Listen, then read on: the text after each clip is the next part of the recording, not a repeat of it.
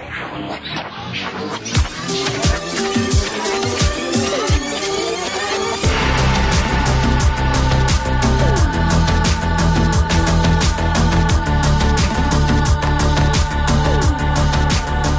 Velkommen til dagens episode av Popstalgi. Jeg er veldig veldig stolt og litt nervøs, for jeg har med en, en stor musikklegende her.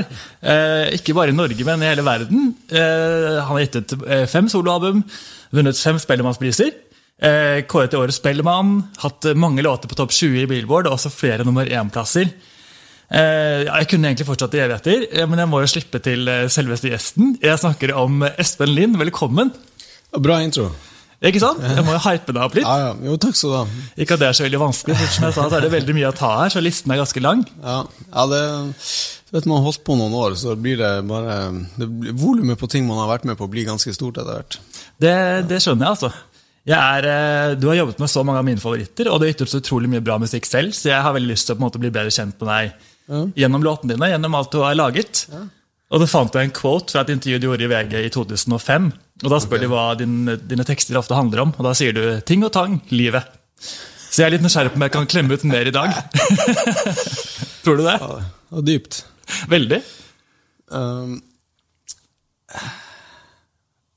nei, altså det, er jo vanskelig å komme med et, et enkelt svar på hva tekster handler om, men jeg kan si at um, som en generell ting så har jo uh, altså tekst uh, Tekster uh, Populærmusikktekster har jo forandra seg veldig de, helt siden jeg begynte å skrive musikk på 80-tallet. Mm. i- dag så er jo tekster mye mer eh, hva skal man si, introspekt. altså Folk eh, skriver mye mer Det er mye mer dagboktekster i dag. ikke mm. Folk eh, åpner seg og skriver eh, deler, liksom, åpner seg deler fra sitt eget liv. Tekster oppfattes som veldig sånn real i dag, mot det de kanskje gjorde for eh, 20-30-40 år siden, hvor det var mye, mye mer abstrakt. Hvis du tenkte poptekster på 80-tallet, de gamle sånne a-ha og Duran Duran-tekster, det var veldig abstrakte greier. Det var ikke alltid like greit å få grep om hva det handler om, mens i dag så har du artister som eh, altså Billie Eilish og sånn, som du, du føler veldig at når de setter i gang og synger, så det er en side ut av dagboka deres. Ja, så de og byr- Taylor byr Swift, ikke minst. Ja, nevne en du har jobbet med også. Ja, absolutt. Så um, nå var ikke det et direkte svar på spørsmålet ditt, men det var en generell Ja. refleksjon rundt uh, poptekster. Nei, men jeg tror, Du trenger ikke alltid fortelle hva den handler om. Det er bare gøy å vite liksom, hvordan det ble til, og ta frem de minnene du har. Jeg vet jo at det er lenge siden, så vi får bare se hva du husker. rett og slett. Ja, Eh, og jeg, eh, jeg hørte i et intervju at du begynte med fløyte som femåring. Mhm, Ja, blokkfløyte. Og Da spilte du bare freestyle, eller hadde du liksom noen som lærte deg noe? Nei, jeg spilte i sånn barneorkester på musikkskolen. Ja, ok. spilte, spilte blokkfløyte. Det tror jeg bare var Er ikke det mange norske barn som har liksom introduksjonen sin til musikk via blokkfløyte? på Jo, jeg tror det. Og, sånt? og det er, jeg er litt sånn Jeg har litt sånn jeg syns jo på å spille blokkfløyte var artig, men de aller fleste syns det er forferdelig. Altså, jeg har litt sånn ambivalent forhold til konseptet med at det skal være den første introduksjonen barn får til, eh, til musikk. Den blokkfløyta. Ja, det kan være litt Jeg fraskremmende. Jeg, tror- jeg tror den har gjort mye skade også. Men har du noen gang brukt det i musikk siden? Blokkfløyte, ja, det har jeg. Eh, og jeg skulle ønske at jeg kom på hvilken låt det var, men jeg vet at jeg hadde opptil flere ganger hatt blokkfløyte liggende i studio.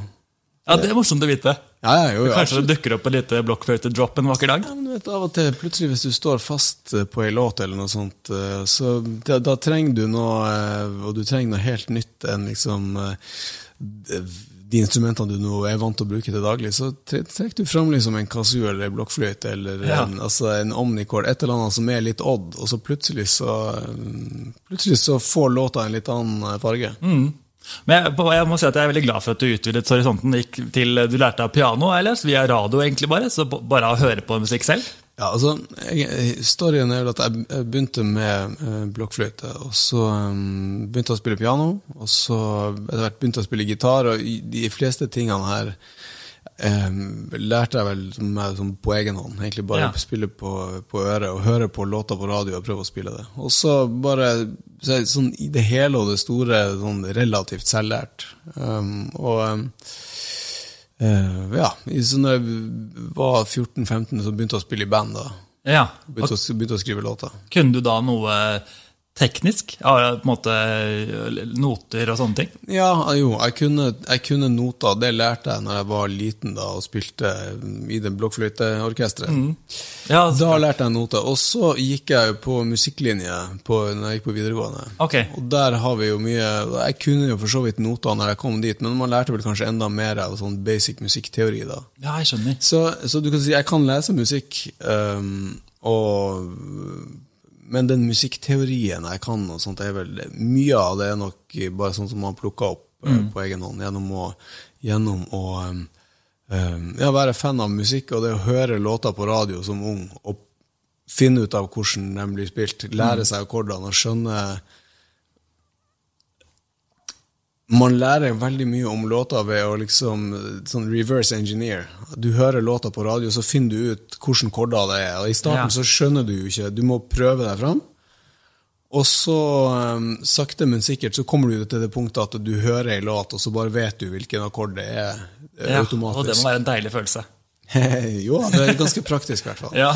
Men, men, men og så kommer du dit at du, du um, Så begynner du å skjønne låta, hvorfor funker den låta, hvorfor eh, er det så ålreit når de går til den akkorden Ja. i refrenget kontra verset. Det er en del sånne harmoniske eh, mønster og måter um, teknisk, da, men måter akkorder funker, harmonier funker i forhold til hverandre, som er som, som De har en viss funksjon, og det er ganske nyttig, eh, og syns i hvert fall jeg, da, og interessant å, å, å, skjønne de tingene etter hvert som jeg blir flinkere og flinkere til å spille og klare å analysere låter.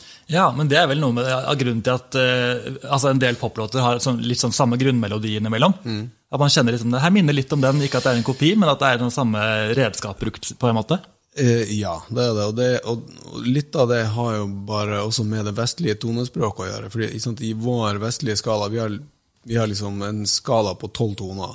Det er den, I, arabiske land og sånt har de f.eks. 16. Så de har, et helt Oi, de annet, ja. så de har et helt annet øre enn det vi har. Oi. Men vi er nå oppdratt til å like de tolv tonene vi har. Og innenfor vanlig vestlig populærmusikk så er det liksom Det er noen sånne hva skal man si, noen stier som du går når du skal lage en eh, Eller som du ofte går da når du lager en melodi. Um, og det gjelder uansett om du er Paul McCartney eller Andrew Lloyd Webber, eller hvem du er. Um, og, og, og, så, og man bruker de stiene, så kanskje du har noen, sånne, noen uh, litt forskjellige utgaver av samme stien, og kanskje du tar en liten sving her og der, men veldig mye av det vi gjør, tar utgangspunkt i noen sånne grunnmønster, rent harmonisk sett. Um, Og det som er litt rart, er at selv om jeg ofte hører sanger som jeg tenker den her har jeg hørt før, så er det jo så tenker jeg, ja, den minner om noe annet, men jeg liker den jo da med en gang. For den er så gjenkjennbar at jeg klarer ikke å la være å høre på den. Så det funker jo for min del, i hvert fall. Ja, nei, det er sant det. Det, det, um, det er også ikke til å unngå at man av og til så, at låter trør litt oppå hverandre. Så Nei, det skjønner jeg jo. Fordi man, det er liksom det begrensa med Vi har bare så mange akkorder, Ja. og, og, og øret vårt liker Det er noen mønster som øret vårt liker, mm. og som vi gjerne har lyst til å høre om igjen og om igjen. Har du noen gang laget en sang som du innså etterpå sånn, oi, den her er jo helt lik noe annet, og så måtte du gå, droppe den på en måte? Ja, ja, det, men det skjer ofte.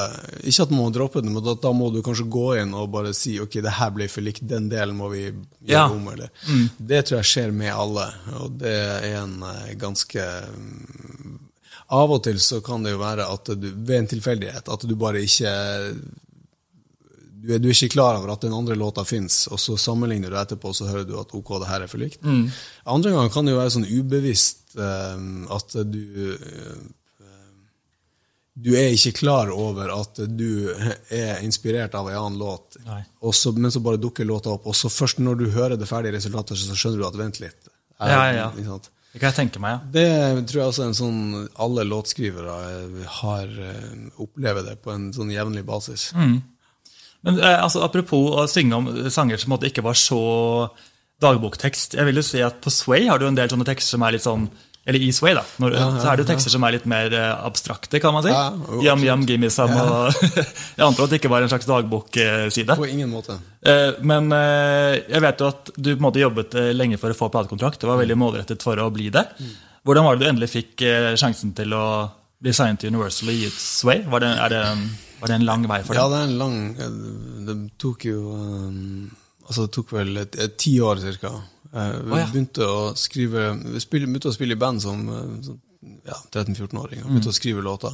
Og, eh, og sende inn demoer til plateselskapene for å prøve å få platekontrakt. Um, fordi på det tidspunktet så var jo um, den eneste måten å komme seg ut i verden som uh, artist eller låtskriver, det var med en platekontrakt. I Ja. dag kan du jo gå rett til eh, publikum via sosiale medier, og sånt, men det eksisterte ikke da. Vi er på liksom tidlig, midten av 80-tallet.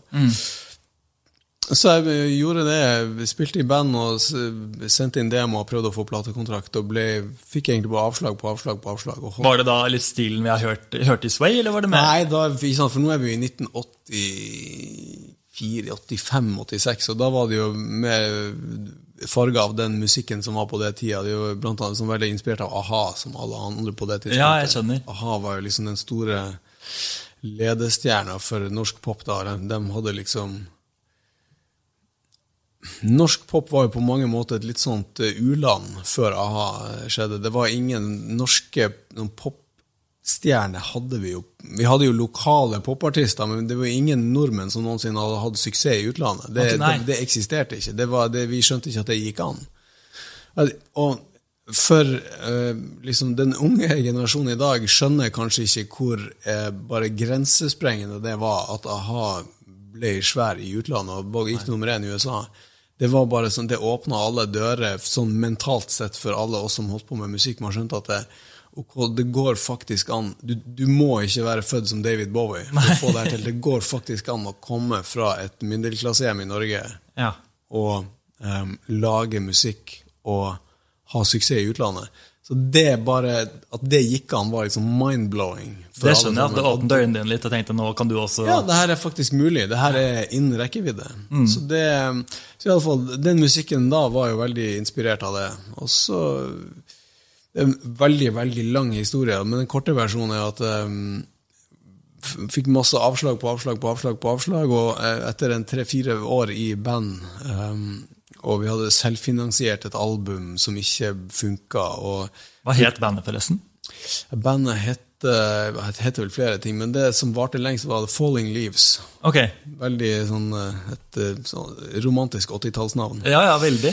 Um, og um, og så til slutt da, så valgte jeg å prøve å bli soloartist, da, og brukte masse år på det. og Bodde i USA en stund og prøvde å få kontrakt der, og fikk ikke det. og så endte jeg opp med å Jeg var nødt til å reise tilbake til Norge i 93, da, fordi oppholdstillatelsen min i USA hadde på det tidspunktet gått ut. Så kom jeg tilbake hit og bestemte meg for å gjøre et siste forsøk, og, um, eh, og lagde da et, eh, et selvfinansiert album som jeg spilte inn i, i et studio oppe i Tromsø, der jeg kommer fra.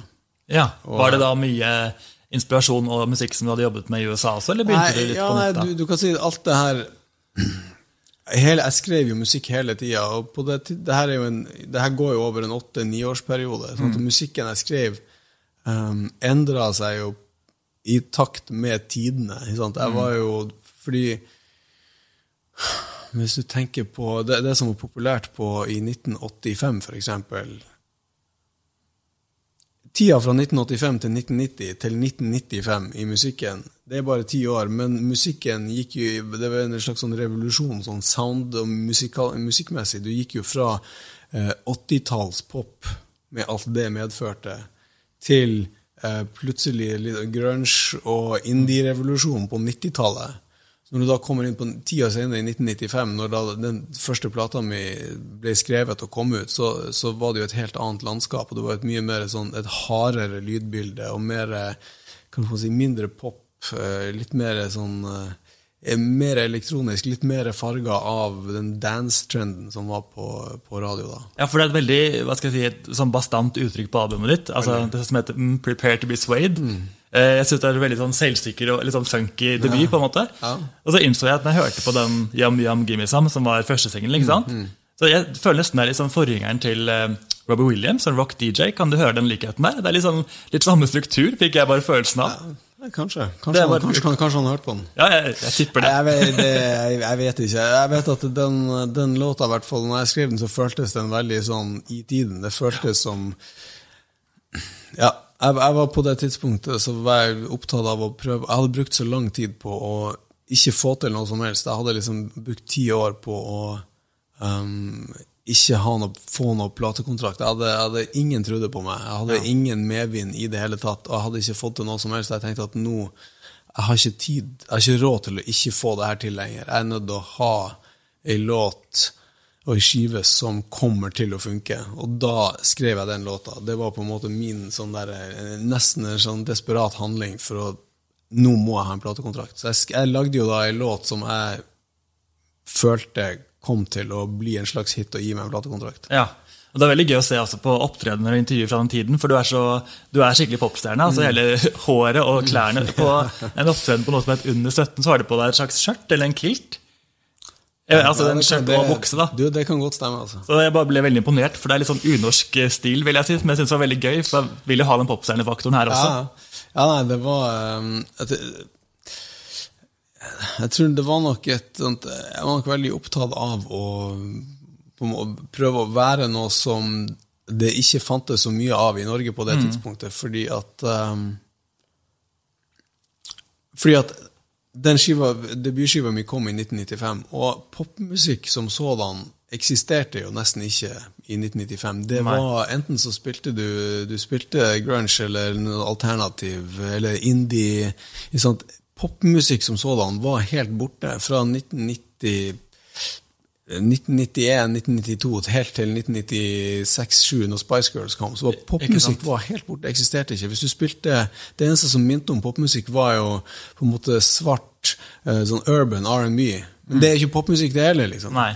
Så den, det, den hva skal man si, den streite popmusikken var helt borte. Det var før eller Max Martin-bølgen også, ja, kan man si? Den, den, den Max Martin-bølgen kom jo litt sånn utover 90-tallet med sånn Backstreet Boys og de tingene der. Men mm. det tok jo lang tid før Backstreet Boys for eksempel, ble svære i USA. Ja, de slo først gjennom i Tyskland. Har jeg De var ganske store i Tyskland, men, og sånn litt ut på 90-tallet. Men, men, hele den poprevolusjonen, sånn som jeg husker den, ble ordentlig sparka i gang av liksom Spice Girls i er ikke det 96 eller 97? Jo, det tror jeg. 96, ja. rundt der. Da husker jeg at det var sånn uh, så jeg husker at hele verden responderte veldig sånn positivt på det, fordi at det, det hadde alt vært det hadde vært mye flanellskjorte og indie og alternativt i så mange år. Og du kan si mye godt om den bølgen, men på et eller annet tidspunkt så kommer det liksom alltid en motreaksjon. Mm, det trenger man. Ja. Si, altså, hvis dere vil se dette klippet, så er det veldig gøy å søke på Espen Lind på Lille Lørdag. For når, når Bård tar med Nora Brokstedt og Arne Bendiksen for å vise, få tips om popstjernelivet. Ja, legendarisk klipp. veldig. Da lo jeg godt. Uh, men uh, en annen låt jeg er nysgjerrig på på det albumet, her, bare på teksten, er 'Bisexual Teens'. Mm. Når, når, du sier 'They fucked each other upside down with tools I've never seen'. Si, det var ganske måte, utforskende og åpen på dette albumet til å være så ung også. Det er gøy at du liksom turte bare slippe deg helt løs og ja. finne på, eller gi alt, liksom. Ja, at, altså Nå skal jeg ikke egentlig huske at jeg husker helt hva liksom, historien bak den teksten var, men jeg tror det var en slags forsøk på en slags historiefortelling. Ja, for du, du, sier sånn 'they were like pornography to me', og sånt, at, du, at noe i den dur. da. Så det er sikkert noe du kanskje hadde observert. jeg vet ikke. Eller så bare fant du på? Eh, du, jeg tror altså, Mitt liv på den tida var såpass kjedelig at jeg tror ikke det her var noe jeg også hadde observert. Jeg tror det er rent, ren fantasi. Ok, God fantasi, i hvert fall. Eh, det er jo et par låter som er med her, som dukker opp på de neste album også. En litt ny versjon? Ja, på en måte. Det, ja det kan stemme. Den 'Missing Her Then', som jeg synes er veldig fin, er med på begge to. Ja, men er ikke den med på den er med på første skiva, men den er også med på den andre utgaven av den andre skiva, men ikke på den originale. Oh, ja, ok. Fordi at uh, det som skjedde med neste albumet, Red, kom jo ut i um, 97, eller? 97. Det kom ut i en norsk utgave først. Og eh, det er den utgaven som på en måte ble stor i Norge da. Og så um, og så ville Universal International gi det her ut i hele verden ja. og lansere det i USA. Og da ville de gjøre en amerikansk versjon av skiva, bare, sannsynligvis bare fordi de ville føle De måtte sette sitt liksom, handprint på det. Og da gjorde vi noen låter i USA. Um, det var også American Love, som jeg antar var en eh, perfekt tittel å ha med? Ja, jeg mener at da gjorde vi to, eh, tre eh, låter, og det var da de to låtene fra The Missing Her Then og American Love, mener jeg. Vi Ja. det i en slags ny drakt, som da blir innlemma på det som da blir den amerikanske versjonen av Red. Ja. Det som er egentlig litt synd, er det at det, hvis ikke jeg tar feil, på Spotify i dag, så er den eneste versjonen av Red som du finner, det er den eh, amerikanske versjonen. Mens det er den norske, originale versjonen som er den beste. Men hva er forskjellen? Eh, For eh, det er, De fleste låtene er miksa om, og det er en annen versjon av Baby You're So Cool blant annet, som ligger på Den beste versjonen er på den norske. Er det det, ja? Ja. Ja, for det her må jeg enig med at jeg ikke visste engang, for jeg har bare sett versjonen med disse her låtene. Jo, jeg mener at eh, nå, Det er en stund siden jeg prøvde å søke opp i det, her, men jeg mener å huske at det, det er, ligger det to versjoner. det ligger to, faktisk. Et cover som er litt mer blast enn det andre. Ser du det? Så da kan jeg si at den med det blasse coveret er den amerikanske versjonen. ok. Det, den med det, den med det liksom det mm, det, liksom det klareste coveret, det, er den, eh, det er den beste. Den som har Den skiva som har 'Baby You're So Cool' som åpningslåt, Ja. det er den uh, norske versjonen, og det er den absolutt beste utgaven av den skiva. Oi, det er godt Mener å vite. mener jeg. Så hvis de som vil ha min anbefaling der, uh, så er det den eh, den, den utgaven med 'Baby You're So Cool' som første album. Er det Espen Espelins version, for å ta en den, siste ja, rett og slett. Men den ble liksom den ble, Det er også et tema man kan bruke mye tid på, men, men den norske versjonen ble liksom gjort Spilt inn i Norge, vi miksa den sjøl her i Norge. Og, Ja. Eh, og den har et eller annet sånt eh, noe sånn enkelt og friskt over seg, fordi det her var på et tidspunkt hvor jeg hadde ingen hits. Jeg hadde fortsatt ingenting. Den første skiva mi, den Prepare to be Swayed, kom jo ut, og det var mye skriverier om den og sånt, men, eh, men det harde fakta er jo det at den var jo aldri noe hit. Nei. At det er jo ingen som, Den solgte nesten ingenting. Og, og, og, så når jeg da begynte å lage album nummer to, så hadde jeg fortsatt ikke noen hits. Jeg hadde egentlig aldri fått til noe som helst. Men du hadde muligheten til å gi ut et album til med Jeg fikk, Universal? ja, jeg fikk lov til å um, Jeg hadde en prat med han eh, Petter Singsvold, som da var sjef i Universal, og, og som signa meg i utgangspunktet. Og han sa at okay, nå har vi fått førsteskiva liksom ut av systemet. La oss eh, prøve å lage et album til, og så se hva som skjer. Og da bestemte jeg meg liksom, for å prøve å ehm, lage musikk som kanskje var litt mer eh, bare litt enklere og litt mer um, rett fra levra, på et vis. ja. um, jeg, jeg skjønte at med den første plata så hadde jeg kanskje gjort ting litt for vanskelig. Jeg hadde vært så opptatt av å prøve å lage jeg hadde vært så opptatt av å prøve å skaffe meg en platekontrakt at jeg hadde, hadde laga musikk og tekster og en hel pakke som var på en måte designa for å få oppmerksomhet. En sånn popstjerne alter ego, nesten? på en måte, ja. Eh, og, og det var designa for å få en platekontrakt og for å bli lagt merke til. For jeg følte liksom at jeg hadde blitt oversett i så mange år. Og, og, og det funka jo. Jeg ble jo lagt merke til, og jeg fikk platekontrakt, men, jeg, men det var ingen som likte musikken. Du måtte gå til det ekstreme for å komme inn, da. Rett og slett. Så Um, men, da var jeg på, men da var jeg på en måte inne, og når jeg skulle begynne andre plater da hadde jeg en kontakt, og da fikk, kunne jeg liksom bare lage den, hva skal man si, den litt enkle popmusikken som jeg hadde lyst til å lage. Ja. For jeg, hørte, jeg leste et sted at du da ble, fikk muligheten til å spille piano for Universal-sjefen Doug Miller. Da spilte du When Susanna Christ. Ja, Eller? det stemmer. Doug Morris heter han. Ok, bra. Du, ja, ja. Han, eh, jo, altså eh, When Susanna Cries kom jo ut i Norge først, på, i, eh, på vårparten i 1997. Ja. Og ble liksom, og ble en kjempehit. Um, og var um, uh, Var liksom mitt sånn ordentlig kommersielle gjennombrudd. Og så, et par-tre måneder etter det, så kom jo hele Red-albumet ut, den norske versjonen, og var også solgte massevis. Og var liksom ordentlig Endelig hadde jeg fått til det jeg hadde lyst til her hjemme i på Norge. både album og låt. Ja. Um, og så um, Og så skulle jeg til um, Og så var jeg i New York på noe andre greier, og så var jeg innom Universal-kontoret, bare sånn uh, for å Mer bare for å introdusere meg sjøl. Det var liksom satt opp en introduksjon fra uh, det norske kontoret. Okay. Så dro jeg nå inn der og møtte ei av dem som jobba der. og Hun syntes det var ja, hei, og hyggelig å møte meg. Og så hadde hun hørt litt på skiva og syntes at den var fin. Og så, og så sto det Jeg husker ikke helt historien, men så, det så var det en gitar Hun hadde en akustisk gitar på sitt kontor, og så sier hun kan du ta en låt fra skiva. Og så ja, så jeg kunne spille, jeg spilte et par låter. Og så sa vent litt, jeg, jeg, jeg skulle, skulle invitere noen andre fra Universal-kontoret inn, bare så de kunne få høre på. Og så plutselig satt jeg der og så spilte jeg et par låter fra skiva da, akustisk, og så syntes alle bare at det her var veldig ålreit. Og så var det noen som sa du uh, We should play this for Doug. Ja. Doug Morris, som da var sjefen i hele Universal-systemet. Og jeg skulle jo egentlig dra videre? Men, men, det var liksom Ja, han er ferdig i et møte om et par timer, liksom. Og jeg, jeg bare så kjapt på klokka og tenkte jeg har tid, jeg blir her. Jeg kansellerer den andre avtalen.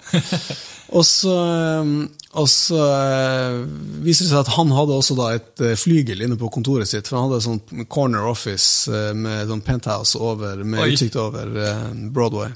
Og med et flygel. Og så kom jeg inn og møtte han, da, og så spilte jeg When Susanna Christ på flygel til han og hele toppstaben i Universal.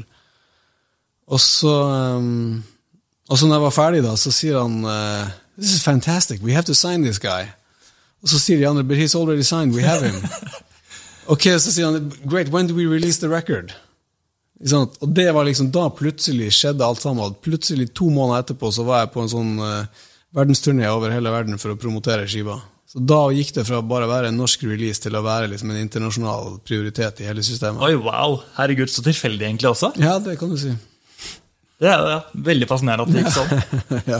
En ting jeg har glemt å ta opp litt, er at På det første albumet så lagde du det meste selv, gjorde du ikke det? Eller hadde du mange du samarbeidet med da også? Jeg har ikke funnet nei, nei, nei, nei, det helt 100% enmannsshow. Ja, men da er det riktig det jeg har funnet ut, jeg så ditt navn overalt. Jeg hadde, ingen, jeg hadde ingen hjelp, jeg hadde ingen spenn, jeg hadde ingenting. Jeg, hadde et, jeg fikk lov å låne et lydstudio i Tromsø. Ja. Jeg fikk, jeg, fikk, jeg fikk, ikke låne det, jeg fikk bruke det gratis på natta mot at jeg jobba gratis på dagen med andre ting i studio. Ja. Så um, jeg bare satt alene der om natta og spilte inn, spilte alle instrumentene og gjorde all vokal og miksa det sjøl. Fordi På album nummer to så er du fortsatt veldig deg, men da har du med deg Amund Bjørklund. Mm. Hvordan eh, ble dere introdusert? Jo, han eh, Amund kommer jo fra Tromsø, samme som meg. Ja. Og eh, når vi skulle på etter førsteplata så dro jeg ut på en norgesturné, uh, og da uh, var han med som gitarist i bandet. Oh, ja. Han var i utgangspunktet Han er et par-tre år yngre enn meg. Uh, men han kom til meg og spurte om han kunne få liksom, prøvespille og få være med i bandet. Han hadde lyst til å være med.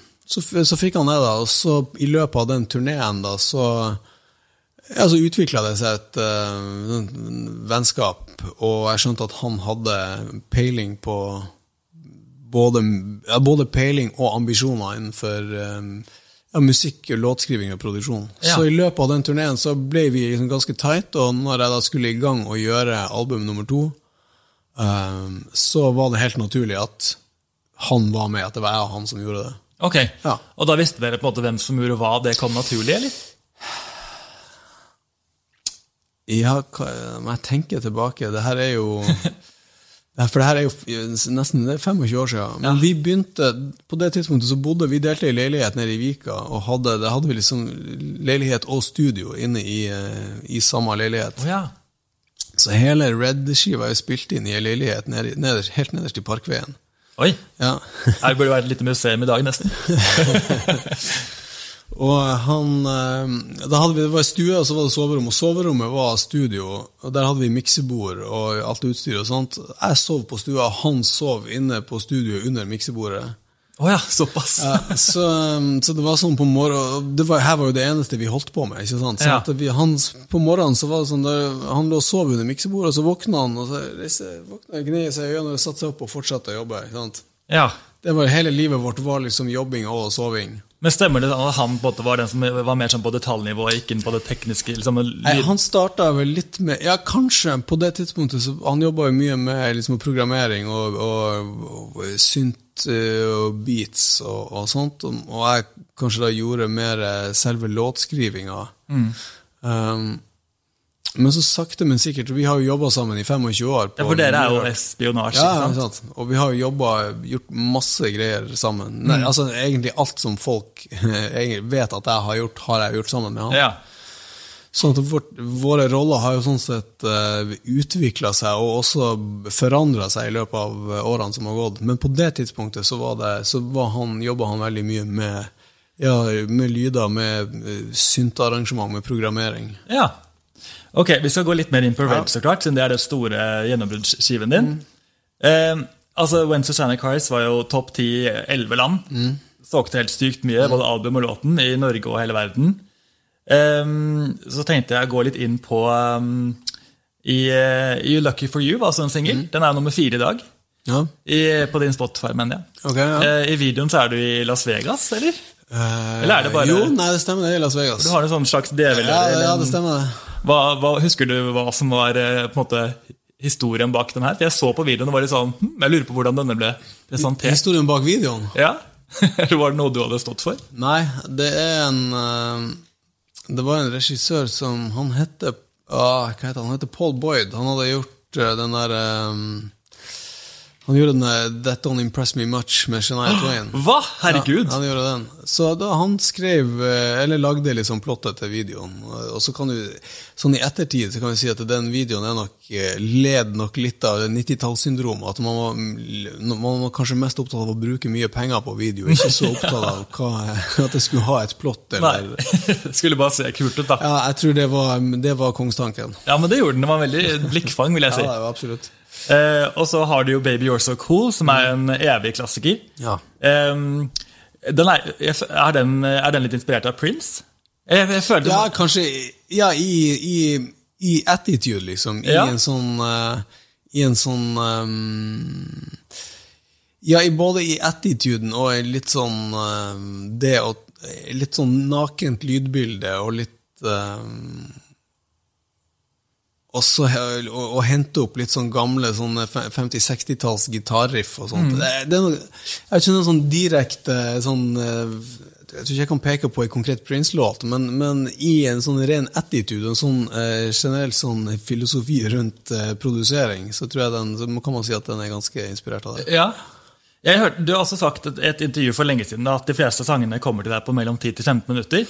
Hvis ikke så funker det ikke. Er det noe som har holdt seg hele karrieren, eller er det som varierer det veldig? Nei, det, det er, Jeg kan moderere det litt til å si at uh, de, de, beste låtene kommer alltid på 10-15 minutter. Ja. Um, og nå uh, i, altså De siste 15-20 årene så har jeg skrevet mye sammen med andre artister. Og da hender det jo ofte at man eh, Da er det jo kanskje sjeldnere at de 10-15 minutterslåtene dukker opp. Mm.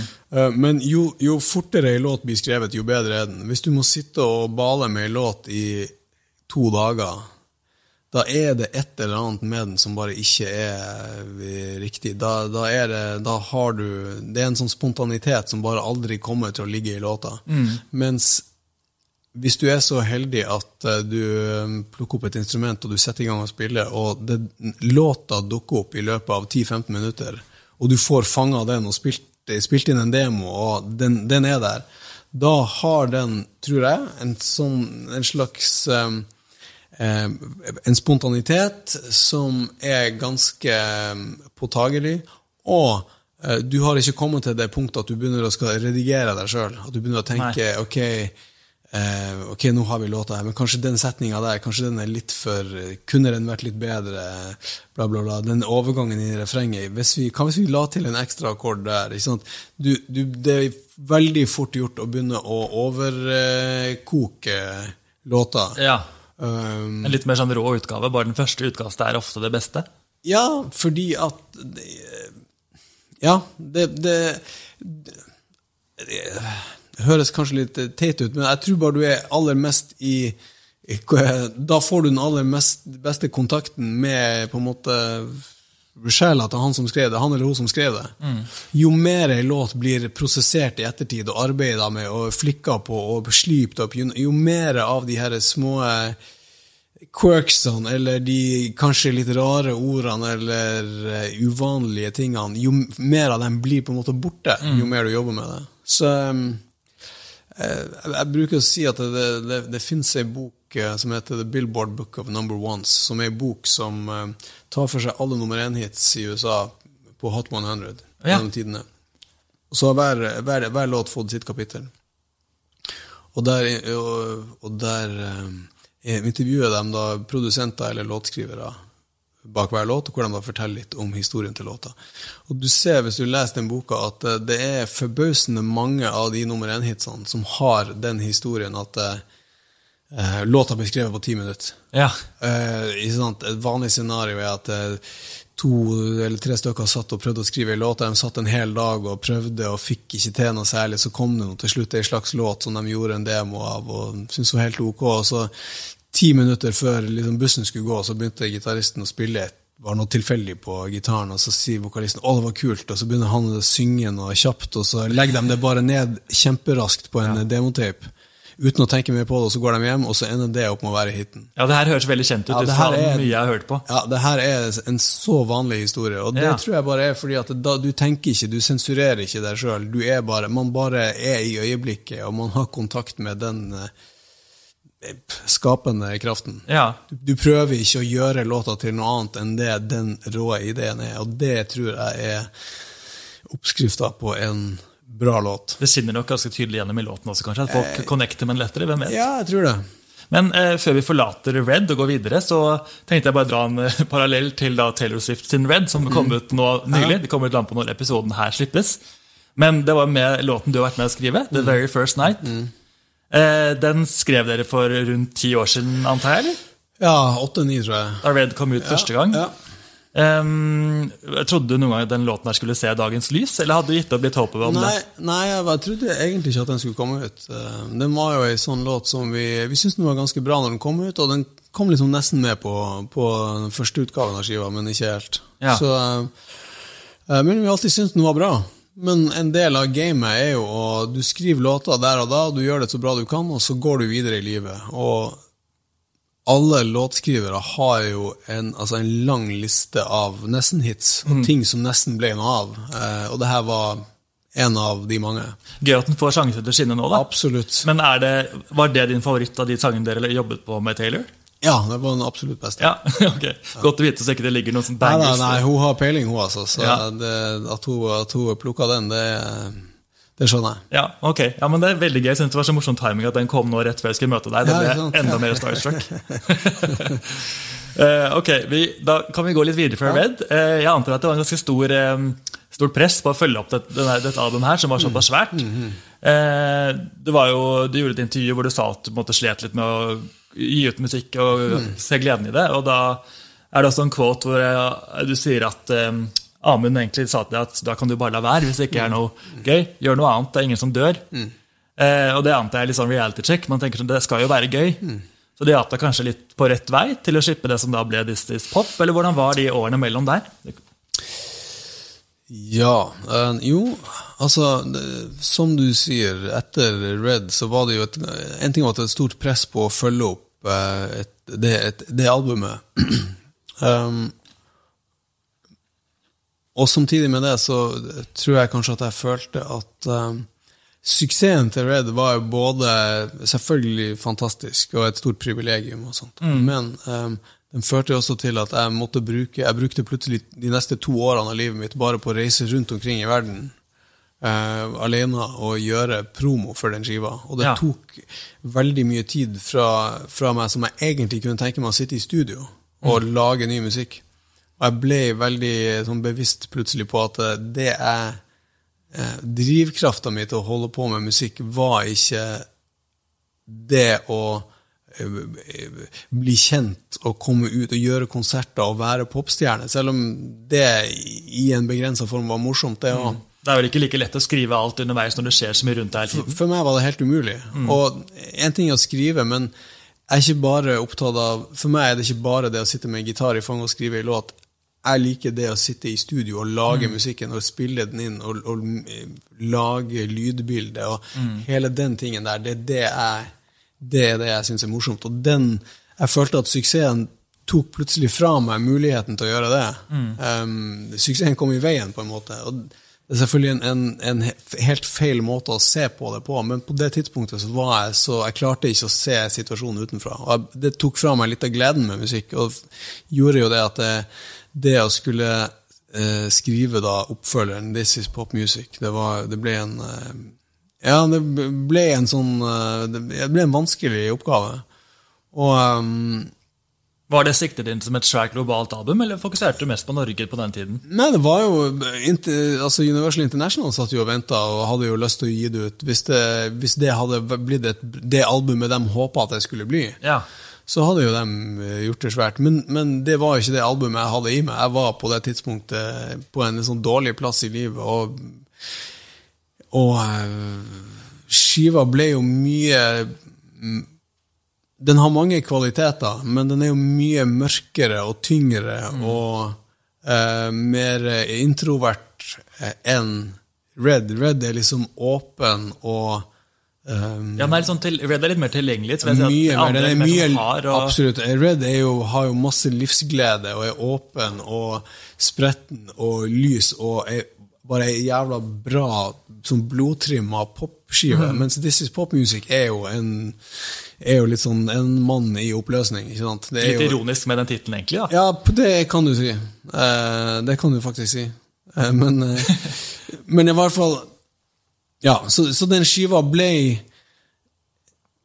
I den grad man skal si at musikk skal være ærlig, så var jo den plata ganske ærlig, for den Ja. var det jeg var på det tidspunktet. Det var den plata jeg hadde i meg. Men det er jo ikke den plata som eh, verken plateselskapet kanskje hadde håpa å følge opp en suksess med, eller den plata som kanskje mange av fansen hadde forventa seg. Eh, eh, og det gjorde jo selvfølgelig også da at skiva ble, den ble jo ikke på langt nær så stor som eh, forløperen.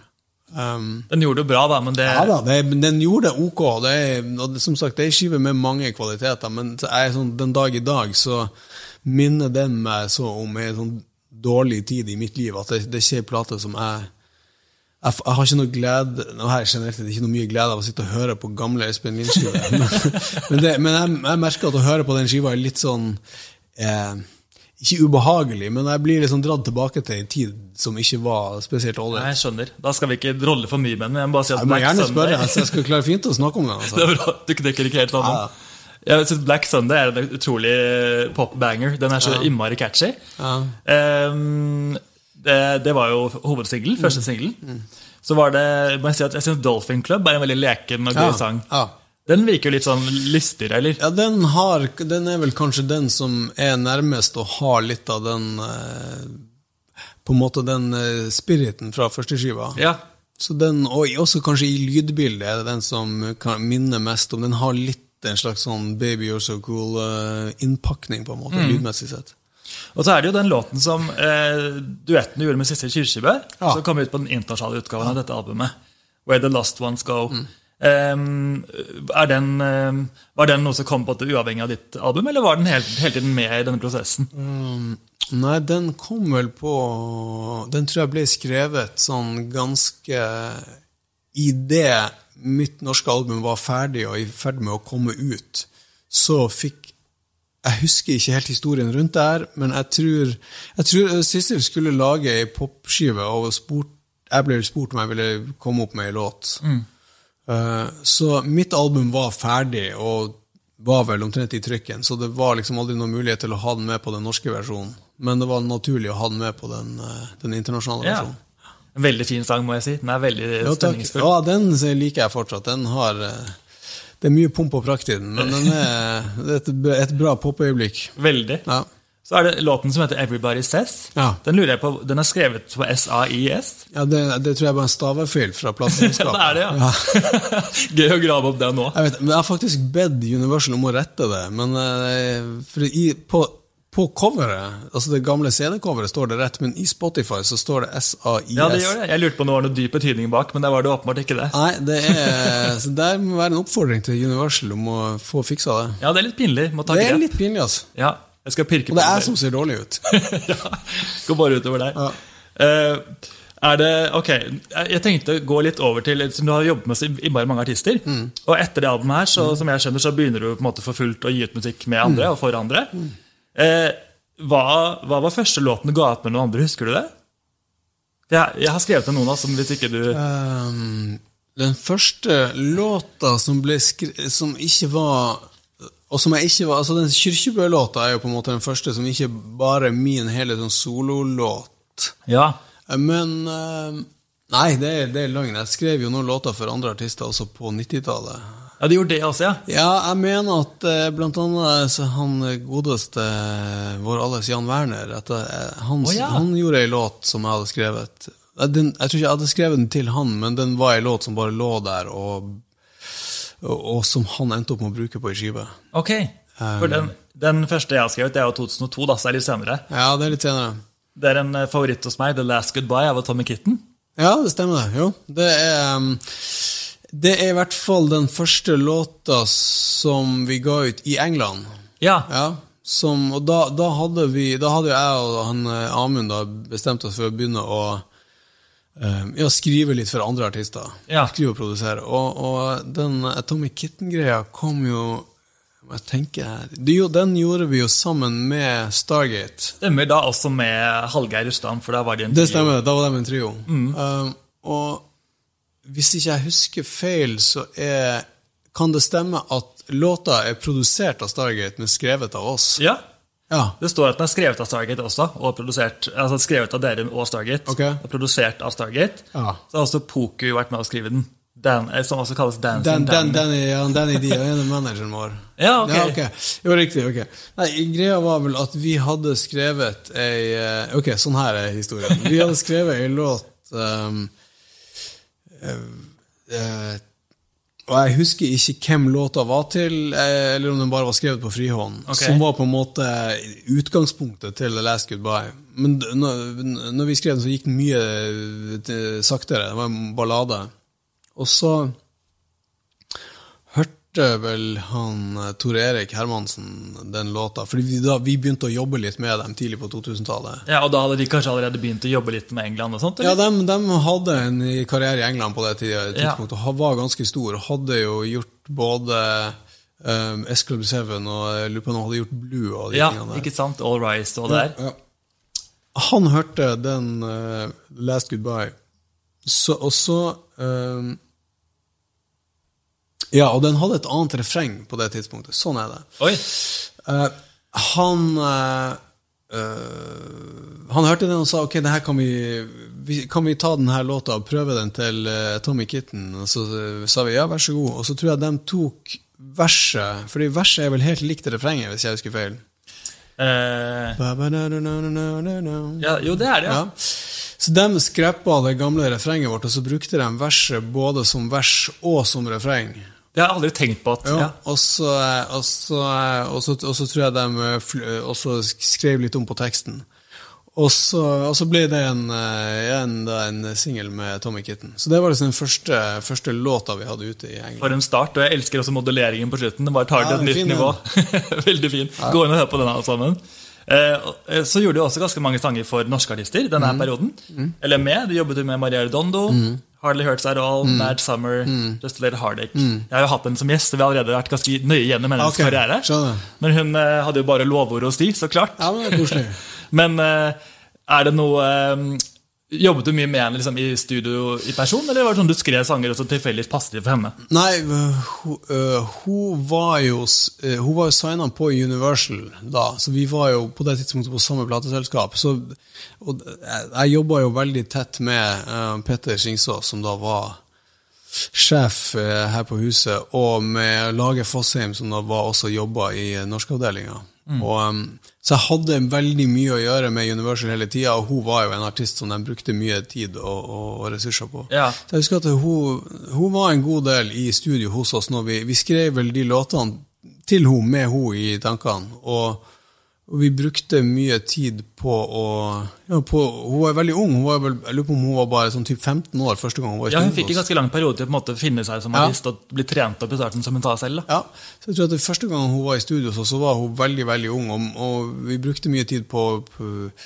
ja, gjøre henne komfortabel i liksom den uh, situasjonen med å, ja, å spille inn vokal. og jeg tror nok, ja, det var nok mange, det var nok en liten prosess å gjøre henne øh, hun, hun, hadde en veldig, eller har jo en veldig fin stemme, og var flink å synge, men var så ung at hun var kanskje ikke alltid helt bevisst på hva hun gjorde. Nei.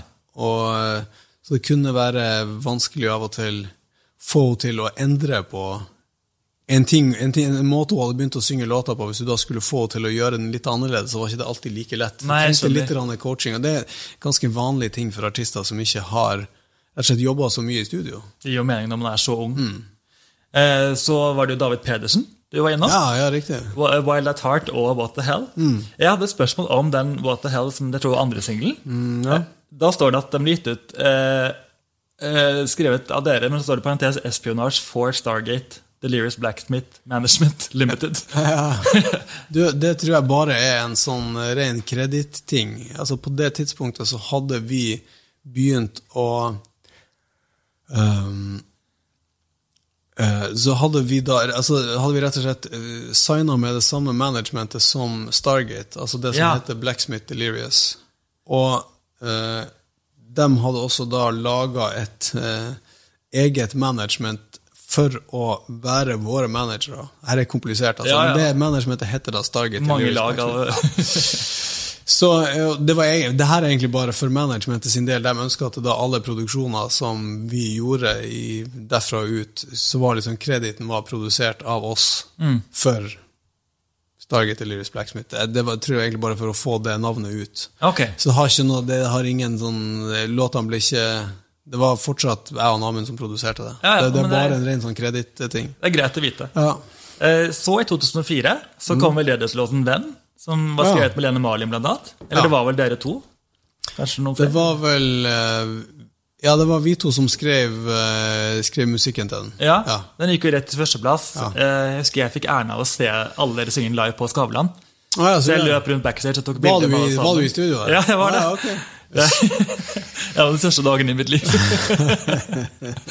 det var veldig fint. Okay. Eh, var det en sang som kom liksom naturlig for dere? Hvordan, eller var det sånn dere måtte jobbe for å finne et riktig budskap til For det her var ikke altså- inntekt for Tsunami Ja, på nei, altså, du kan si Den teksten fikk vi jo utlevert eh, Teksten var noen andre som skrev. Oh, ja, det var det, ja. Ja, Så vi fikk egentlig en ferdig tekst og satte melodi til den. Og jeg mener å huske at Jeg husker at Lene skrev melodien til den ene delen, og jeg skrev melodien til den andre delen. Og om det var Jeg lurer på om jeg skrev melodien til verset, og hun skrev melodien til refrenget. ja. Som bare passet perfekt sammen. Ja, det er, mulig, det er mulig jeg blanda at det var omvendt, men eh, det er i hvert fall min recollection at vi, eller, vi møttes for å skrive låta, da, men Ja. da hadde hun en idé, og jeg hadde en idé, og så ble det noe til den. Jeg får dobbeltsjekke med henne hvis jeg noen gang får henne med. Du får gjøre det, som hun husker det bedre. Ja, Det er mulig hun har en helt annen eh, recollection. ja, jeg lagde alt, kommer hun til å si. Eh, ok, Det ble i hvert fall en veldig fin låt. Jeg går litt sånn kjapt gjennom Ja, for det er så mye på listen. Absolutt. I 2005 så kommer du tilbake med et eget album. Ja. Eh, April. April, hva man må si. Mm. ja. Eh, det vil jeg si var litt mindre på en måte den harde disse pop music-sounden. Litt mer tilbake til kanskje Red. Eh, På en følelsen. måte litt, bare litt mer avslappa, det var mer et, et prosjekt som var eh, det, det skulle ikke oppnå noe spesielt. Det var egentlig bare Jeg hadde tid og anledning til å lage litt musikk igjen. Så det, det hvilte ikke noe forventningspress. Ingen venta på den skiva. Så det, det var et mye Det var et mye mer sånn Ja, et avslappa prosjekt, kan du si. Ja. Den kommer med hoved, eller første singen Unloved. Mm. Veldig veldig fin ballade som er sånn, har den effekten at den måte den er litt sånn dyster i verset, så bare innfrir den så veldig når eh, pre-chorus og refrenget Mm. Ja, ja. kicker inn. Det er så deilig følelse. Uh, den gikk rett til førsteplass. Lå der i, på topp 20 i 13 uker. Mm. Ganske vilt. Ja. Uh, det var deg og Amund som vanlig. Uh, her dukker også Hvitsten opp. ja. Jeg leste at han, Er han din halvbror? Han er min halvbror, det stemmer? Ja. Geir Øyvind Hvitsten. Jeps. Eh, så det Hvordan havnet han på en måte inn i denne Nei, prosessen? han har jo alltid vært eh, alltid vært veldig interessert i musikk og jobba med musikk. Han er jo, mye- han er jo 10-11 år yngre enn meg. Ja. Eh, og, men på det her tidspunktet så var jo han da begynt å nærme seg voksenalder. Og, tenkte, og var begynt å jobbe litt sammen med oss i studio. Og bare rett og slett med å skrive låter. Ja. Morsomt. Ja. Jeg, altså, og så har jeg hørt mye på 'Looking Like Her'. Veldig Ja, fin, ja. eh, veldig fin gitarspill. Ja. Så jeg er blitt helt gal, fordi den melodien eh, jeg, bare sånn, den er, jeg går over i noe annet i hodet. Okay. Og så har jeg kommet på at det er altså Du kom først, og så det er derfor jeg sier det. for creds til deg, Men det er en Hillary Duff-sang som heter Ok. Why Not, som jeg er veldig fan av henne. Okay. Bare, Det er ikke noe kopi, men det er et eller annet som er så veldig på en måte likt. Hun synger det gitarspillet, på en måte, den melodien. Ok, Den bare, Men hennes låt kom etter min. ja, den kom ganske lenge etterpå. Okay. Så Ja. Ellers hadde jeg ikke turt å si det. så det, jeg er bare glad, glad det falt på plass, fordi du vet når man hører en sang bare, Hvor er det jeg hørte før? Man blir helt gal. Jeg er i hvert fall det. Bruker å si som uh, Torstein Flaknes sa til meg en gang. Vi har vel møttes en gang i et eller annet refreng. Åh, det kan man si som proff musiker. Eh, så er det, Jeg lurte- på en ting om den Life Will Turn Around. Ja. Den, eh, den har liksom litt av den derre Hvordan sier man det? Pakbels kanon? Den derre ja. Er det på en måte et sample, er det såpass lite at det ikke er det? vet du det? Eller lite brukt, på en måte. Ok, Det er et sample. Men det er ikke. Nei. Men det er et annet eh, Det er snippet av noen form for filmmusikk som da er klippet ut, og så har vi liksom skrudd om de akkordene. Eh, og så stokka dem om. Grunnen til at du syns det høres ut som på Kelbels kanon, er nok at de første to akkordene er uh, de samme. Ja, ikke sant? For den uh, kanonen din, det, den fortsetter jo nedover. ikke sant? Den gjør det. Bam, bam, bam, bam, bam, bam, bam, Ja. bam, ikke sant? Akkurat som Era Bach. Mens den uh, Life Will Turn Around starter bam, bam, bam, bam, bam, bam, bam. Den går ganske fort bort ifra den. Ja, så det er nok sikkert derfor du får den assosiasjonen. Ja, ja, det er godt å vite. Sånne ting holder meg våken på natten. Ja. Så er det låten 'Truth Hurts', som er et samarbeid med Stargate. Ja. Var det første gang du ga ut en sang med dem selv? Husker du det? Hvor du synger, liksom? Eh, Det tror jeg både første og eneste, kanskje. Ja, det er kanskje det, ja. Ja. Det er jo eh, det er gøy, for da hører man liksom litt den Espen Lind og Ja, ja, ta form, på en måte. ja, stemmer. Veldig fin sang. Ja. Eh, Så vil jeg si at det på en måte tar helt av, for da slippes plutselig Irreplaceable året etter. Eh, Med Beyoncé, altså det tripper jeg de fleste vet. Eh, Var denne låten skrevet henne, med henne i tankene? Nei, den var bare skrevet som en sånn demo på frihånd. Det var, ideen var at vi skulle prøve å lage ei låt som var altså ei countrylåt med, med beats. Ja. Det var liksom tanken bak det hele. Og så eh, ble den eh, prøvd pitcha til flere forskjellige artister i USA, og endte opp med å Det var blant annet en, en, artist som heter Fantasia, som spilte inn en versjon av den. som er hun som vant American Idol. Stemmer det. Hun spilte den inn, men den bare skjedde aldri Og ga den aldri ut. Så vi eh, tok låta tilbake da. Og så til slutt så kom, eh, så kom eh, meldte liksom Beyoncé-campen at de var hypp på å gjøre den, og, og, og hun gjorde sin vokal på den. Og, og når jeg hørte det ferdige resultatet av liksom, låta vår med hennes vokal, så da skjønner man at det her blir en hit. Husker du hvordan dere kom på liksom den der to the left, to the left? Altså Var det noen som var sånn ah, this is genius? Nei, men jeg, jeg husker, Det som er at eh, selve den teksten det er det han Nio som har skrevet. Ja. Han var topliner på låta. Og når vi Altså Den originale demoen til låta har ikke den der to the left, to the left-hooken først. Mm. Den bare starter Første verset starter med to the left, to the left, everything you own in the box to the left. ah, okay. Og så det var, og På demoen er det jo Nio som synger vokalen. Ja.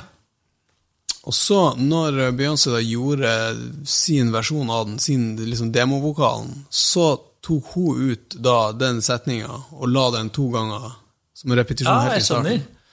Så det var jo et, et lite, men viktig bidrag til låtskrivinga som Ja, gjorde der. Beyoncés touch. Ja, rett og slett. det er viktig, det. ikke kimse av Beyoncés touch. Nei, virkelig ikke. Um, det, ja, den ble jo superstor. Den gikk rett i først, Var det førsteplass? Jeg tror det. ja. Bare så jeg ikke tar Mm. Ja, ja. feil her. Uh, så var du innom eh, og jobbet med Jessica Simpson. Hennes I Don't Want To Care. Mm, Ja. Var det in person, eller var det bare en låt som Nei, kom det, hos henne? det er bare en låt som havna hos henne. Og den Ja. den, husk, den gjorde vi vel også sammen med Stargate. Ja. Eh, og, og jeg være helt ærlig jeg husker ikke hvordan den låta ble til. Jeg bare vet at det er en låt vi skrev i den tida hvor vi var i ferd med å flytte over til USA, og så ble, hun, så ble den snappa opp av henne. Og, Ja. og, og det på det tidspunktet var jo Stargate veldig hot i USA, Ja. sånn at eh, vi gjorde jo en del låter sammen med dem hvor vi på profitterte på Eller vi fikk drahjelp av at deres navn var så svært. Skjønner. Og var, for det her var jo hennes første album etter at hun hadde skilt seg fra Nicholas Chase. Det var Ja. veldig stor, stort drama rundt det, og jeg er spesielt interessert. Akkurat lest biografien hennes og greier, så jeg måtte bare spørre. Ja, nei, jeg, ikke, jobba aldri med henne i studio. Jeg jobba med han Niklas Chase jeg jobba med i studio, men jeg har aldri, Ja. aldri møtt henne. Ok, det er gøy. Eh, men eh, så eh, dukker den nye gitarkameraten opp. Det er jo et kapittel for seg selv, så jeg skal ikke snakke så mye om det. For det er jo deres egne sanger som, og litt cover og diverse. Men en utrolig svær greie. Ja, det ble stort, det. Det tok jo helt av. Eh, så igjen kommer Chris Browns With You i 2007, som også blir en gigahit.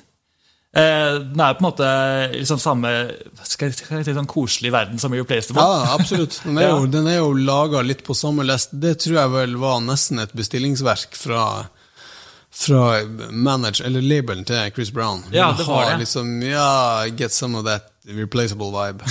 Så tenkte vi ja, ja, nå må jeg hatt én hit, så får vi se om man, se om man klarer å komme opp med en til. da. Ikke sant? Så det, det er jo oss og Stargate, og, men det er ikke Neo på den her, det er en annen topline som heter Jonta Austin. Er det det, ja? Ja. Så um, den, og den ble jo ganske svær, den også. Den, tror jeg, den gikk ikke til nummer én, men den, at, jeg mener å huske at den lå nummer to i et par måneder. eller noe sånt Ja. i USA. Men den, den har jo så, I sånn listeplassering så er den jo svær, men sånn historisk det er jo veldig få som husker låta. Eller den er i hvert fall Sammenlignet med Irreplaceable, så er den jo bare en sånn historisk sett en fotnote. Ja, Det er rart hvordan sånne ting skjer, for det var som du sier, en veldig stor hit, det også. Ja, men eh, den er bare Noen låter er bare Ja. ja. Nei, den, den har liksom ikke den tyngden i det hele tatt. Hva med Altså, eh, Neo slapp jo så So Sick, som jeg tror du var vel ikke involvert i Nei. den. Men uh, du skrev fjerde singelen hans, Go On Girl, tror jeg. Ja, jo, jo, vi var vel med på den også, ja. Det kan stemme. det. Jeg, Ja. jeg mener at vi var med å skrive liksom musikkdelen av den, og jeg spilte gitar på den. Ja. Og så, jeg, jeg vet jo at Stargate og Lene Marlin har vært med å lage den eh, Good Girl Gone Bad, Ja. Rihannas tittellåt Ja, på det album nummer tre. Eh, Du var ikke involvert i den prosessen, eller var du det? Nei, jeg mener at jeg spiller gitar på en av de låtene på den Du gjør det, det står men, på Push Up On Me, står du på gitar. Ja, ok. Ja, det kan godt hende. Jeg tenkte å spørre om det stemte, for jeg så bare litt sånn Jo, jeg, ditt navn jeg, jeg husker at det er en låt eller to der som er med Rihanna som jeg spiller gitar på, men jeg klarer ikke å huske noe Det her er lenge siden. Det, Ja. Alt det her var en sånn eh, tåke på seks-sju år hvor vi jobba 24 timer i døgnet. Ja. Så jeg, det er ikke alt jeg husker like klart. Men eh, Det er veldig forståelig. Eh, det er masse flere låter å ta av, men du slipper jo eh, nok et soloalbum i 2008. Army of One'. ja, det stemmer. Da er du tilbake litt mer sånn nedstrippet. eh, I Ja. hvert fall første singel, da, ukulele og Ja, da, det, Army of One er jo et sånt album som jeg personlig er veldig både glad i og stolt av. Jeg synes det er et eh, Og, og for meg en slags sånn motreaksjon på Da hadde jeg nettopp brukt et par år i USA på å jobbe litt som ordentlig sånn hardcore hitjobbing med, liksom, med amerikansk radiosound. Og satt veldig pris på det, men det var eh, et veldig sånn, Jeg hadde veldig behov for å ta litt, et lite avbrekk fra det og kunne gjøre det stikk motsatte. Så det å da kunne bare um, lage et soloalbum og kunne um, slippe å forholde meg til radiotrender og ja, gjøre sånne ting som ukulele og tuba og Det må være deilig. Bare, Sånt ja, helt fantastisk. Det var balsam for sjela. Ja. Den skiva den dag i dag uh, Meg personlig kanskje den skiva jeg er mest glad i. Som jeg synes Ja. er best av alle. Det er jo hovedsingelen 'Scared of Heights'. Det er Ja. utrolig fin. Veldig veldig fin melodi. Som også Morten Harket har covret i senere Ja, tid. Det må være stort for Ja, eh, du, Det skal jeg love deg. Altså. Det, syns jeg var stas. Skjønner jeg godt, altså. Eh, eh, den ble kjempestor. eh, Superhit. Og noen år senere, nå er jeg litt usikker på året, jo, 2009, så har du en hit med Hey Soul Sister og Train, Ja, som også tar helt av, vil jeg si. Ja. Er det på en måte din største låt sånn streamingmessig, eller sånn eh, Ja, ja, jo, den- det er, nok, det, det er nok den største låta vi har vært med på noensinne. Sånn, den, er, den har bare fått et liv som er Altså, den var jo stor når den kom. Den var eh, Det var den mest valgte singelen i USA i 2009. Ja, og den, den har nettopp Jeg fikk nettopp en sånn Diamond Award for sånn ti millioner. Oi, Og, eh, og den, den har bare vært eh, Det er også en låt med liksom, ukulele og basstromme fra et amerikansk rockeband. Den er så odd, og den var så rar når den kom, at den den var så utrendy i 2009 når den kom, og den er fortsatt utrendy den dag i dag, men den har på en måte bare Den har et liv, den lever sånn parallelt. Folk For det gjør den fortsatt- også tidløs, på en måte. det er det som er. Den, folk lager, gjør fortsatt coverversjoner av den. Den brukes i massevis av reklamer og filmer. og Jeg tror Spotify-tallene på den nærmer seg en milliard. Så Ja. det, mm, nei, den, den låta har liksom vært eh, Ja, det, den, er nok, som du sier, den er den, den absolutt sånn største enkeltlåta vi har vært med på. Ja. Jeg føler den, Ikke at det er noe sånn helt lik sound, men den og typ Call Me Maybe har en sånn der instant greie som bare fester seg ved. De bare traff, traff et eller annet magisk. Ja. jeg bare si. Den er veldig veldig fin. Eh, Og man hører jo da, ja, som du sier, litt fra Army of One, altså ukulele-sounden på den låten. Det er gøy å høre deg såpass tydelig, på en måte. Ja, vi hadde jo Egentlig så var jo Soul Sisters skrevet um, som ei rockelåt med fullt trommesett og rockegitarer. Oh, ja. og, så, og så bare satt vi i studio, men det bare funka ikke. Det liksom, jeg synes låta, Det låt fint, men, men det er et eller annet som mangler på låta. da. Så var Amund sin idé å bare rett og slett ta For da hadde jeg nettopp hatt en hit i Norge med Scared of White. Så var det hans idé å bare eh, La oss bare prøve noe helt annet. Bare fjerne alle instrumentene og så spille ukulele oppå. Og det, var, det gjorde susen. Da plutselig fikk låta en det fikk en vibe, og det fikk en egen plass og en identitet. og det, Plutselig så gikk det fra å være ei helt ok låt til å bare være noe helt eget. Ja. Så det er sånt, det er sånt, jeg, husker en av øyeblikket i studio når vi bare plutselig hørte ukulele og vokalen til Pat Monahan oppå den låta. Der skjønte du at det her er Vi vet ikke helt hva det her er, men det er spesielt. Det, er- ja, det var det virkelig. Eh, Den var jo også med i Gli. Er det noe dere får Ja. beskjed om før det skjer? på en måte, Eller var det sånn som bare uh, den Gli-greia Jeg tror vi fikk beskjed om at de kom til å gjøre den, men, uh men sånn rent juridisk sånn, sånne ting fungerer, så er det ingen som trenger å søke om tillatelse for å gjøre en cover av en låt. Den Nei, kan du, så lenge låta allerede er gitt ut, så kan du lage en coverversjon av den som du vil. Du er, det eneste som er påkrevd, er at du, du må opplyse hvem som har skrevet den. Ja. Så, så det er jo masse versjoner av den rundt omkring på eh, Spotify, YouTube og sånt. Og det, så lenge originale låtskrivere blir kreditert, så kan folk gjøre som de vil. Ja. Men vi fikk vite at de skulle gjøre en Glee-versjon. Jeg husker det var ganske kult. Altså. Det, Ja, altså. jeg, jeg liker den Glee-versjonen godt. Ja, det gjør det. Det er godt å høre. Eh, Så I 2011 gir du ut en sang med en av mine favorittartister, Selena Gomez. Ja, se der. eh, 'Middle of Nowhere'. Mm. Hvor, eh, var det noe? Møtte du henne? Nei, men jeg, jeg må jeg tenke Nei, jeg, jeg vet at jeg var ikke på den vokalsessionen. Jeg lurer på om Jeg vet at vi gjorde den mm, sammen med en toppliner som heter Carmen Key, tror jeg. Ja, det stemmer. Og, og, eh, og, han, og en fransk eh, DJ som heter Sandy V. Ja. Kan det stemme? Ja. Og jeg eh, vet at vi gjorde tracket og, og den topline, og så Jeg må være ærlig og si at enten så er det han Amund som har uh, rekorda vokalen til Selena Gomez, eller så har den blitt sendt til hennes team, og hun har gjort den på egen hånd. Okay. Jeg, jeg husker ærlig talt ikke. Jeg vet at jeg var ikke til stede. Men husker du hvordan prosjektet ble presentert? Var det sånn 'vi vil ha dette'? Altså, Nei, jeg husker at Jo, husker, der mener jeg at uh, vi skulle skrive en låt med Vi var hooka opp med Sandy V fordi at vi kjente han via Stargate. For han hadde nettopp gjort 'Only Girl in the World' med Rihanna. ja, han har gjort så mye Ja, bra. Så han var på en måte litt inne i den campen på det tidspunktet. Og så eh, ble vi enige om å gjøre ei greie sammen, og så fikk vi med hun Carmen Key. da. Mm. Jeg mener at eh, hun hadde blitt spurt av Selena Gomez sin label om hun kunne prøve å skrive en låt til henne. Okay. Og så sa hun ja, jeg har en session med Espionage og Sandy V. Vi ja, prøver Så å lage et dro dere litt inn, på en måte? Jeg mener å huske at det var sånn det skjedde. Ja. Også så tilfeldig. Det er veldig fascinerende å høre om. Ja. Eh, dette var altså på hennes album 'When the Sun Goes Down'. Før hun gikk solo, så var Selena Gomez and the Scene. Det stemmer, det. Så en litt annen periode. Ja. Eh, nå er- nærmer vi oss faktisk slutten, for nå, jeg må jo gi slipp på den eh, en gang. Men eh, dere slipper en til sangen med Train. eh, En til singel, mener jeg. Eh, sa, jeg sangel? Sangel. En sangel. en ny, en nytt ord. Ja. Eh, Drive-by, som er også ekstremt catchy. altså Helt uimotståelig catchy. Og så ble det en superhit. Dere gjør en personlig favoritt. Alexis Jordan, 'Good Girl'. Husker du den? Hun som også hadde 'Happiness'. Jo, jeg husker jo, jeg husker hun godt. Jeg bare prøver å huske låta.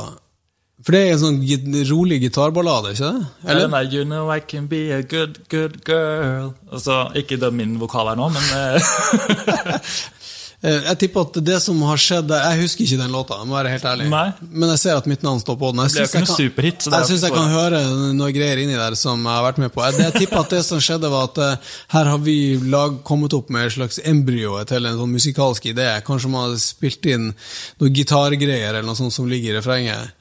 Eh, kanskje det er en kordrunde, kanskje det er hele skjelettet til musikken. Jeg vet ikke. Og så har vi eh, sendt det til Tor Erik og Mikkel i Stargate, og så har de tatt det og foredla det og fått lagt på en, Ja, for jeg føler at hun var på en måte deres litt sånn prosjekt. Ville, Ja, det stemmer. Hun var vel Jo, sånn her er det. De laga jo en label. Ja. De fikk en label under Rock Nation som vel hette Star Rock. Oh, ja. Og jeg tror hun var den første signinga deres, Ja. nå når du sier det. Så Happiness og Good Girl var liksom de store eh, singlene hennes. Det kan stemme.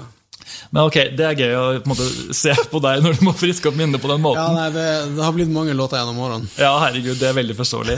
Eh, nå skal jeg gi meg, men jeg må si at du har gjort masse mer et, etter det her også. Eh, gitt et julealbum med Siste Kirkebø, produsert mye for Ingebjørg Bratla- Bratland. Har du mye eh, som kommer nå fremover? Av musikk? Um, ja, jeg holder jo hele tida på med nytt. Jeg har jobba veldig mye med Ingebjørg. Jeg har gjort, nettopp gjort eh, noen nye låter med henne som kommer ut nå på nyåret. Oi, så spennende. Ja. Er det på norsk? Det er Ja, det er på på sånn norsk, ja. Alltid. Alltid på norsk. Ja. Veldig norsk. Ja. Um, og um, så er vi i gang å filme en ny sesong av The Voice. Oi, så gøy, da. Ja, Skal komme på TV i 2022. Er det din femte sesong, eller hvor lenge? Ja, det er Det er min fjerde Det er min fjerde. Ja, Det er min fjerde sesong. ok. Nei, det er min femte. Ja, altså, jeg tror du kom inn Jeg Jeg tror du kom inn andre sesongen, eller? Altså... Jeg kom inn andre sesongen, og så gjør jeg andre og tredje Nei, det her blir min fjerde. ja, ok. Sorry. Ja, det er min fjerde sesong. Men eh, eh, da kan det siste spørsmålet være, når du er på The Voice Altså, hvordan skal jeg formulere det? Er det, sånn, er det lettere for deg å bare høre en stemme enn å se ansiktet til personen? For jeg tenker I og med at du også skriver sanger eh, som artister plukker opp som du ikke egentlig vet hvem går til, er det sånn litt samme tankegang? Skjønner du hva jeg mener? Um, ja, hva skal jeg si? Jeg tror det er vanskelig Det, det jeg kan si, er at eh, det er, i er forbausende vanskelig å Eller når du blir tvunget til å sitte med ryggen til og bare høre en, en, en ny stemme, og du ikke får noen andre cue til å forholde deg til eh, Det er forbausende vanskelig å um, eller du blir obs du blir obs på hvor mye eh, det eh, inntrykket ditt av en artist du henter fra utseende og fra eventuelt backstory og sånne ting. Um, av og til så sitter du der, og du aner ikke liksom, er artisten 15 år, eller er, artisten 35? Er, er det mann eller dame? Sant? Du er, du er, av og til så er det veldig vanskelig å skjønne. Og um, um, og det tror jeg er, må folk tenke på når de ser på The Voice. Ofte er jo sånn at folk sitter hjemme i, stua og river seg i håret fordi ingen trykker på knappene. Ja. Men det er en ganske, man sitter i en litt eh, spesiell situasjon, og man er liksom tvunget til å bare Du skal både høre etter eh, Først skal du er de gode å synge, og så må du høre er den eh, ok, god å synge. Det er mange som er gode å synge. Fins det, noen, eh, finnes det en artist oppi der? Er det noen som kan fortelle, selge en historie?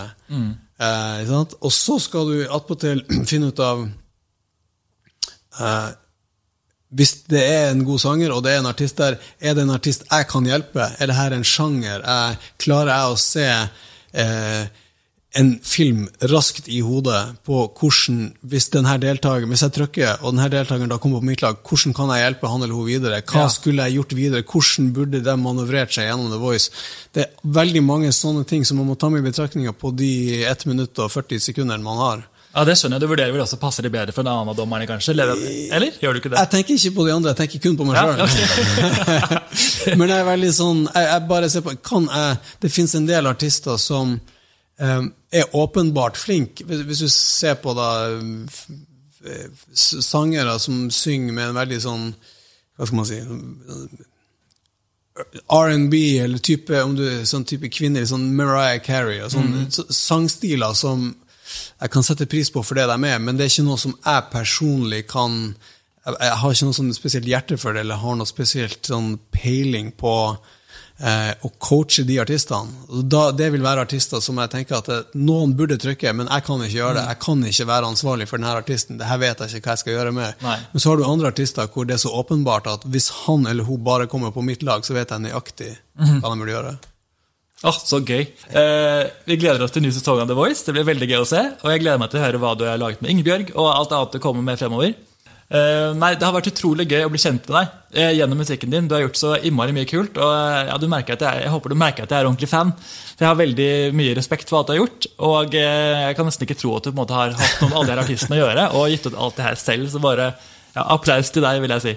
Du, takk, det har vært koselig å være her. Vi har altfor lite tid, men eh, Jeg vet. vi kunne sitte her i timevis. Ja, Tiden har gått så fort. Det er eh, mye mer å ta, så kanskje vi får lage en eh, kapittel to en vakker vakker Vi dag. lage en sesong to, hvor vi går, en, hva heter det, volum to, hvor vi gjør fordypning. Ja. Det er ikke sånn, Når du er på studiet, så har du liksom det vanlige kapittelet, så har du fordypningsmateriale som du kan gå inn i hvis du vil gå Spesielt interesserte. Som vi åpenbart er, da. og alle dere som hører på, håper jeg også er det. Eh, Men tusen takk til dere som har hørt på i dag, og takk til deg, Espen. Det var veldig veldig gøy at du stilte opp. Du, det var en glede.